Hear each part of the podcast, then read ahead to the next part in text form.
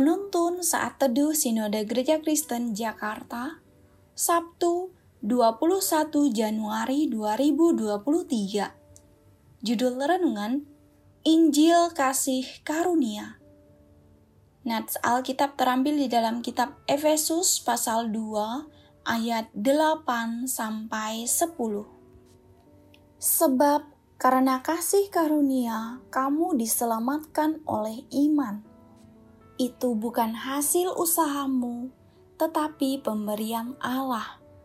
Itu bukan hasil pekerjaanmu. Jangan ada orang yang memegahkan diri, karena kita ini buatan Allah, diciptakan dalam Kristus Yesus untuk melakukan pekerjaan baik yang dipersiapkan Allah sebelumnya.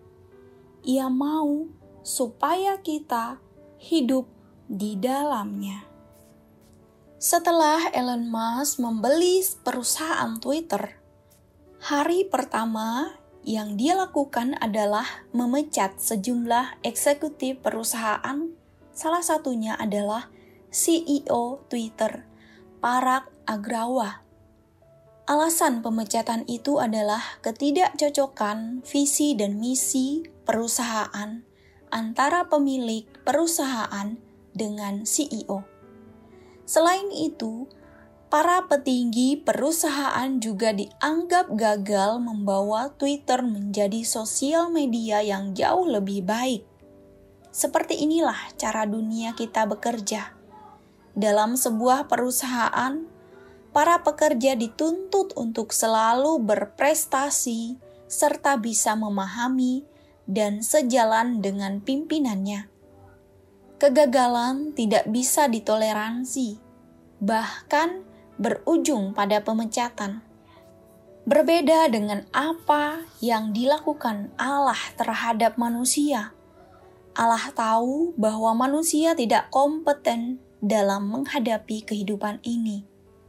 Manusia berkali-kali berbuat kesalahan dan jatuh dalam dosa namun ia tetap secara aktif mengasihi kita, bahkan mengorbankan nyawanya bagi kita. Banyak orang berpikir bahwa Allah memberikan keselamatan pada manusia karena kebaikan manusia itu. Setidaknya, sebagian besar agama di dunia ini mengajarkan hal yang demikian. Namun, kebenarannya Kebaikan manusia tidak bisa menebus satu pun kesalahan yang pernah dibuatnya. Secara logis, seorang penjahat tidak mungkin bebas dari jerat hukum hanya karena dia sering menolong orang lain. Sebab itu, firman Tuhan dengan tepat mengatakan, "Sebab karena kasih karunia kamu diselamatkan oleh iman." Itu bukan hasil usahamu, tetapi pemberian Allah. Itu bukan hasil pekerjaanmu. Jangan ada orang yang memegahkan diri.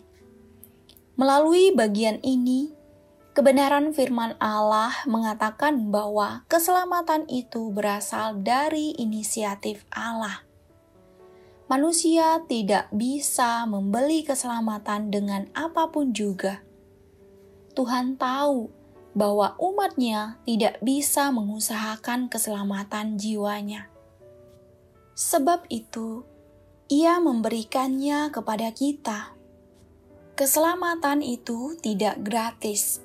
Banyak orang meremehkan keselamatan karena pemahaman bahwa keselamatan dianggap gratis.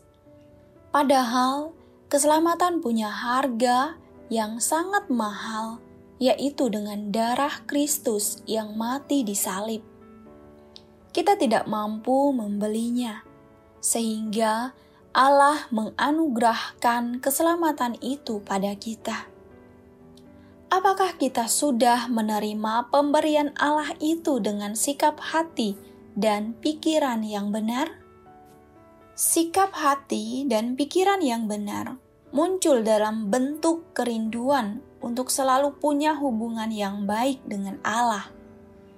Dalam ayat 10 dikatakan bahwa Allah rindu supaya umatnya mengerjakan kebaikan yang sudah dipersiapkan Allah sebelumnya.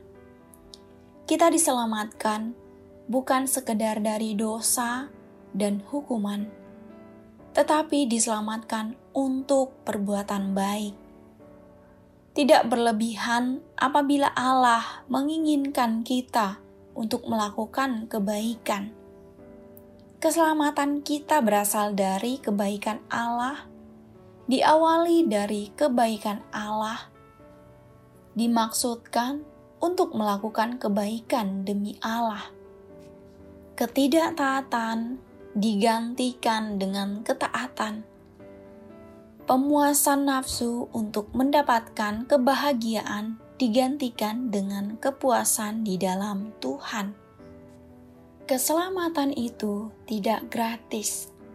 Harganya sangat mahal, yaitu darah Kristus di kayu salib. Amin. Terima kasih, Tuhan Yesus memberkati.